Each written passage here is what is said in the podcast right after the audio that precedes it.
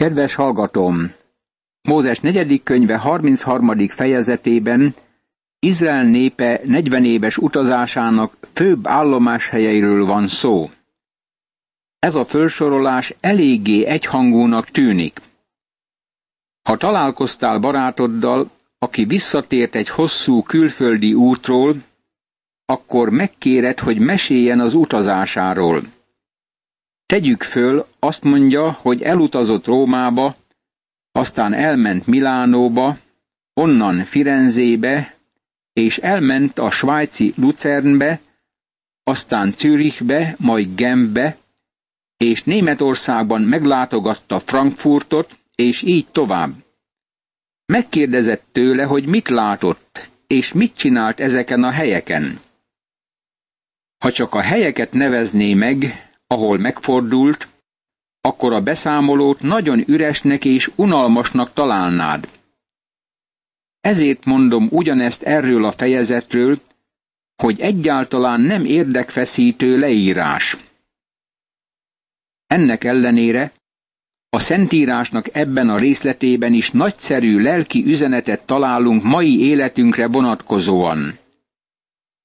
Jól lehet ez a fejezet olyan, mint egy úti térkép, amit nem nagy érdeklődéssel nézegetünk, mégis kijelenti, hogy Isten minden lépésünkben velünk van a hosszú úton, mint ahogy Izrael lépéseit is kísérte. Valójában az ő vezetésével tették meg negyven éven át a pusztai vándorútat. Van egy olyan énekünk, amely azt mondja, hogy szüntelen az Úrral járunk. Őszintén szólva, nem vagyok meggyőződve róla, hogy igazat mond mindenki, amikor ezt énekli. Inkább az ellenkezőjét látom egyesek életében. Amikor lelkipásztor voltam, figyeltem a gyülekezet éneklését. Szüntelen az Úrral járunk, és így tovább. Aztán a vasárnap délutáni és hétköznap esti istentiszteleteken a Biblia tanulmányozási alkalmakon már nagyon megcsappant azok száma, akik az Úrral és az ő népével együtt jártak. Kíváncsi vagyok rá, hogy meddig készek az ilyenek az Úrral együtt járni. Meg kell vallanom, hogy én is kudarcot vallottam ezen a téren. Nem ígérhetem, hogy mindenkor vele járok a jövőben. Inkább úgy kellene énekelnünk ezt az éneket, hogy az Úr velünk jár szüntelen, mert ezt mondta. Nem maradok el tőled, sem el nem hagylak téged. Zsidókhoz írt levél, 13. rész, 5. vers. Itt van előttünk Izrael utazásának leírása. Akárhova mentek, akárhol táboroztak, az Úr mindig velük volt.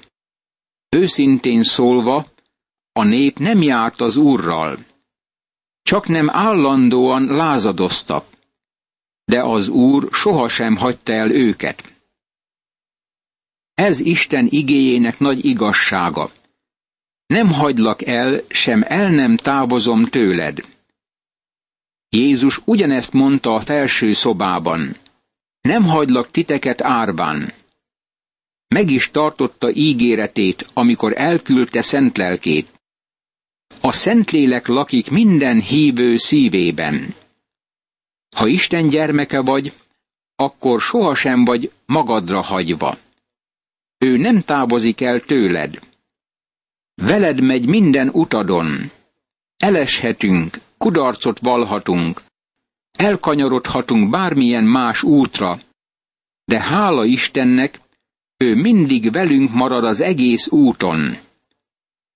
A 33. fejezet azzal a rendelkezéssel zárul, amit Mózesnek adott az Úr, mielőtt Izrael felkészült volna az országba való bevonulásra.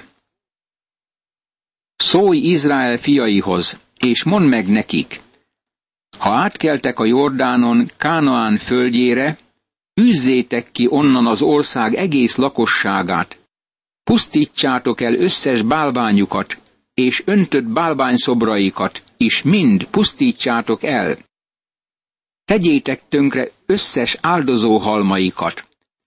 Vegyétek birtokotokba az országot, és lakjatok abban, mert nektek adtam azt a földet, hogy birtokba vegyétek.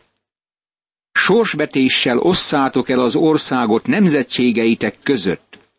A nagyobbnak nagyobb örökséget adjatok, a kisebbnek pedig kisebb örökséget. Mindenki azt kapja, ami neki sorsvetéssel jut. Az ősi törzsek között osszátok szét az örökséget.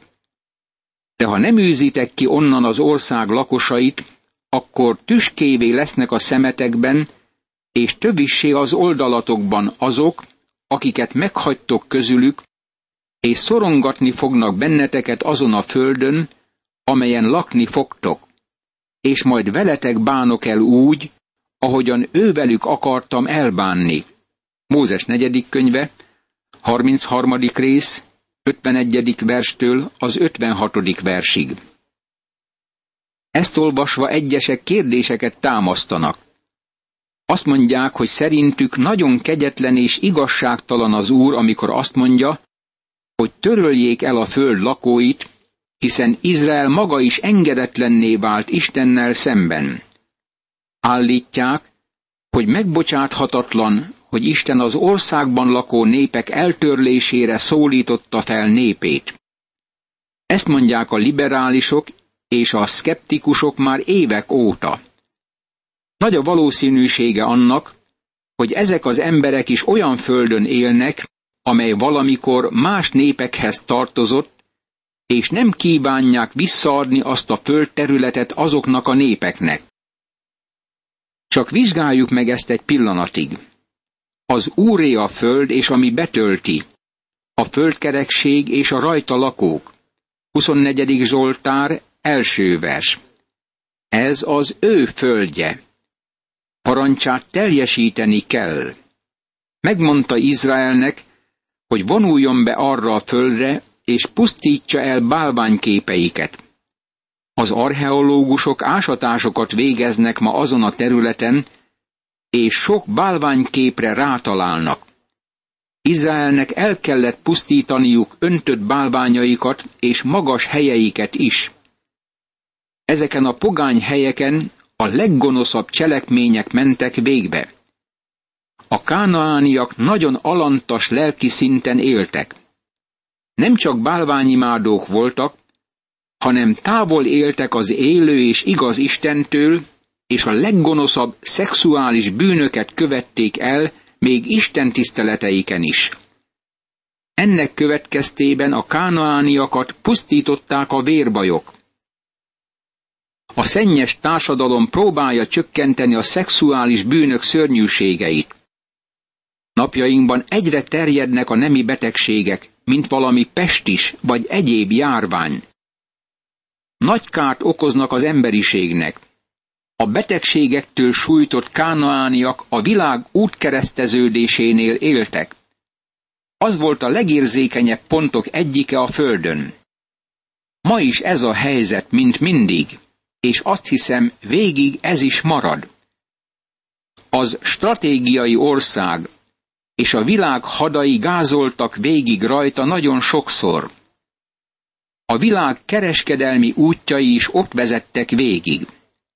A kánaániak számos emberrel léptek kapcsolatba, és szórták szörnyű betegségeiket, járványaikat mindenfelé. Ezért Isten új lakókat helyezett abba az országba. A kánaániakat el kellett pusztítaniuk, és ezzel az egész emberiséget megszabadította ettől a fertőzési góztól. Ne jöjj hozzám, barátom, azzal, hogy Istennek nincs joga ennek megparancsolására. Ez valójában az irgalom tette volt. Isten elpusztította a kánaániakat, hogy megmentse a következő nemzedékeket. Isten ugyanilyen okból küldte az özönvizet. Megőrizte a jövő generációkat. Barátom, ne bíráljuk Istent. Ne üljünk ítélőszékbe Istennel szemben. Nem tudhatjuk mindazt, ami egy-egy helyzethez tartozik. Egyet tudunk, vagyis azt, hogy nem lesz a földön béke mindaddig, amíg a béke fejedelme nem uralkodik. Addig Isten a nemzeteket használja fel más nemzetek megítélésére. A 34. nagyon fontos fejezet, mert leírja félreérthetetlen kifejezésekkel annak a földnek a kiterjedését, amelyet Isten adott Izraelnek. Ez aláhúzza azt a tényt is, hogy Isten adta Izraelnek a földet örökkévaló birtokul. Tekintet nélkül arra, hogy ma kik tartanak rá igényt, az Izraelhez tartozik. Azután így beszélt az Úr Mózeshez. Parancsold meg Izrael fiainak, és mondd meg nekik. Ha majd bementek Kánaán földjére, az a föld, Kánaán földje jut nektek örökségül a következő határok szerint. Mózes negyedik könyve, 34. rész, első és második vers. Megadja nekik a déli határt. A déli határ a Cínpusztától Edóm mentén húzódjék, majd a sós tenger végétől kelet felé húzódjék a déli határ. Mózes negyedik könyve, 34. rész, harmadik vers. Aztán rámutat a nyugati határra. A nyugati határ legyen a nagy tenger partvidéke. Ez legyen a nyugati határotok. Mózes negyedik könyve, 34. rész, hatodik vers. Meghúzza az északi határt is. Az északi határt a nagy tengertől a Hórhegyig jelöljétek ki. A Hórhegytől jelöljétek ki a Hamáti útig, és a határ vége Cedárnál legyen. Azután haladjon a határ Zifrón felé, és a vége Hacar Énánnál legyen. Ez legyen az északi határotok. Mózes negyedik könyve, 34. rész, 7., 8. és 9. vers. Végül meghatározza a keleti határvonalat. A keleti határt jelöljétek ki Hacar Énántól Sefámig. Sefámtól menjen le a határ Riblának, Aintól keletre, és menjen tovább a határ, amíg el nem éri a Kinneret tó partját keleten. Azután menjen lefelé a határa Jordánnak, és végződjék a sós tengernél. Ez legyen országotok határa körös körül. Mózes negyedik könyve, 34. rész, 10., 11. és 12. vers. Az Úr ezután meghatározza, hogy kifelelős a földnek a törzsek közötti felosztásáért. Azután így beszélt az Úr Mózeshez. Név szerint ezek a férfiak osszák fel az országot. Eleázár pap és Józsué, Nún fia törzsenként egy-egy vezető embert válasszatok az ország felosztására. Mózes negyedik könyve, 34. rész, 16., 17. és 18. vers. Név szerint jelöli meg a fejedelmeket is erre a feladatra. Nem olvassuk el az összes leírást, mert egy kicsit monoton leírásnak hat napjainkban de igen fontos volt Izraelnek abban a korban. A fejezet ezzel zárul. Ezeknek parancsolta meg az Úr, hogy osszák ki Izrael fiai között Kánaán földjét. Mózes negyedik könyve, 34. rész, 29. vers. Mint ahogy megtudtuk, a lévitákat kiemelték Izrael fiai közül az elsőszülöttek helyett. A léviták az Úrhoz tartoztak. Ők nem kaptak földterületet Izraelben, hanem városokat kaptak, ahol lakhattak. Azután így beszélt az Úr Mózeshez Moáb síkságán, Jerikóval szemben a Jordán mellett. Parancsold meg Izrael fiainak, hogy a birtokukba kerülő örökségükből adjanak városokat a lévitáknak lakóhelyül. A városok körül levő legelőket is adjátok a lévitáknak. Lakjanak ezekben a városokban, a legelőket pedig használják marhájuknak, jószáguknak, és mindenféle állatoknak. Mózes negyedik könyve, 35. rész, első, második és harmadik vers. A külvárosok, a legelők, amelyeket szintén a léviták kaptak állataiknak. Azoknak a városoknak a legelői, amelyeket a lévitáknak adtak, a város falától kifelé körös körül ezer könyöknyire terjedjenek. Mózes negyedik könyve, 35. rész, negyedik vers. A lévitáknak kijelölt 48 város közül hat várost menedékvárossá kellett nyilvánítaniuk. Azután így beszélt az Úr Mózeshez. Szólj Izrael fiaihoz, és mondd meg nekik. Amikor átkeltek a Jordánon Kánaán földjére, válasszatok ki olyan városokat, amelyek menedékvárosok legyenek. Oda meneküljön a gyilkos, ha nem szándékosan öl meg valakit. Legyenek ezek a városok menedékül a vérbosszuló elől, hogy ne halljon meg a gyilkos, amíg oda nem áll a közösség elé ítéletre. Hat várost jelöljetek ki magatoknak menedékvárosul. Mózes negyedik könyve, 35. rész, 9. verstől a 13. versig. Figyeld meg azonban, hogy a menedékvárosok nem szolgáltak védelmül a szándékos gyilkosoknak. Ha egy ember agyonüt valakit, csak tanúk szavára szabad a gyilkost kivégezni.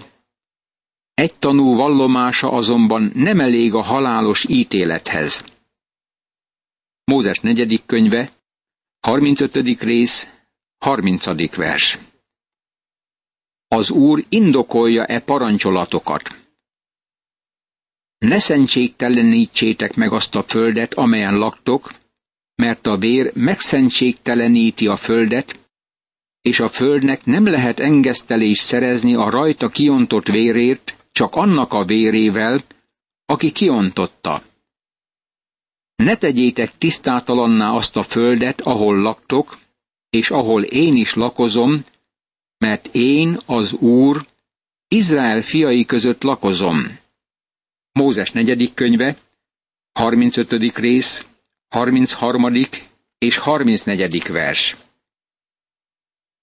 József fiai családjainak a vezetői problémát vittek Mózes elé, ahogy ezt a 36. fejezet leírja. Ha Célofhád leányainak a saját törzsükön kívüli férfiakhoz kell feleségül menniük, akkor a földjük más törzsnek a kezére kerül. Ezért Mózes megmondja nekik az Úr akaratát ezzel kapcsolatban. Ezt parancsolja az úr Celofhád leányainak. Menjenek feleségül, ahova jónak látják, de csak olyanhoz mehetnek feleségül, aki atyuk törzsének a nemzetségéből való, így nem kerül el Izrael fiainak az öröksége egyik törzsből a másik törzsbe. Izrael fiai közül mindenki ragaszkodjék atyái törzsének az örökségéhez. Minden olyan leány, aki örökséget kap Izrael fiainak a törzseiben, csak olyanhoz menjen férjhez, aki atyái törzsének a nemzetségéből való, hogy Izrael fiai közül mindenki megtartsa ősi örökségét. Ne kerüljön el egyik törzsből a másik törzsbe az örökség. Izrael fiainak törzseiből mindenki ragaszkodjék a maga örökségéhez. A földterületnek a törzs birtokában kellett maradnia. Senki sem veszíthette el földjét véglegesen. A jubileumi évben minden birtok, amit elzálogosítottak, ismét visszatért az eredeti családhoz. Ez csodálatos intézkedés amit Isten rendelt népének. Így védelmezte őket. Szelofhár leányai úgy cselekedtek, ahogyan Mózesnek parancsolta az Úr. Szelofhár leányai Machlá, Tircá, Hoglá, Milká és Noá a nagybátyjuk fiaihoz mentek feleségül. József fiának, Manassénak a nemzetségéből való emberekhez mentek feleségül, és így örökségük megmaradt atyjuk nemzetségének a törzsénél. Ezeket a parancsolatokat és rendelkezéseket parancsolta meg az Úr Mózes által Izrael fiainak Moáb síkságán, a Jordán mellett, Jerikóval szemben. Mózes negyedik könyve, 36. rész, 10., 11., 12. és 13. vers. Ezzel zárul Mózes negyedik könyve. Ezzel egyúttal befejeződik Mózes nyilvános szolgálata. Mózes ötödik könyve Mózes egyéni szolgálatával folytatódik. Ez a könyv csak egy pillantást adott Isten népének életébe a pusztai vándorlás idején. Azt a kudarcok, lázadások, panaszkodások és könnyek jellemezték, és értékes tanulságot ad nekünk, amint végighaladunk e világ pusztaságán. Imádkozzunk! Örökkévaló Istenem! Köszönöm, hogy elhelyeztél engem is ebben a világban, és ebben a korban akarsz engem itt látni e földön. Köszönöm, hogy célt adtál az életemnek, és felvillantottad előttem a mennyei Jeruzsálem dicsőségét. Segítségedet kérem, hogy Izrael sok bukásából okulva elkerüljem azokat a buktatókat, amelyek akadályozhatnak a továbbhaladásban, és megnyerjem segítségedet a Szentlélek által, hogy mindenképpen eljussak dicsőségedbe, a mennyei Jeruzsálembe. Ámen.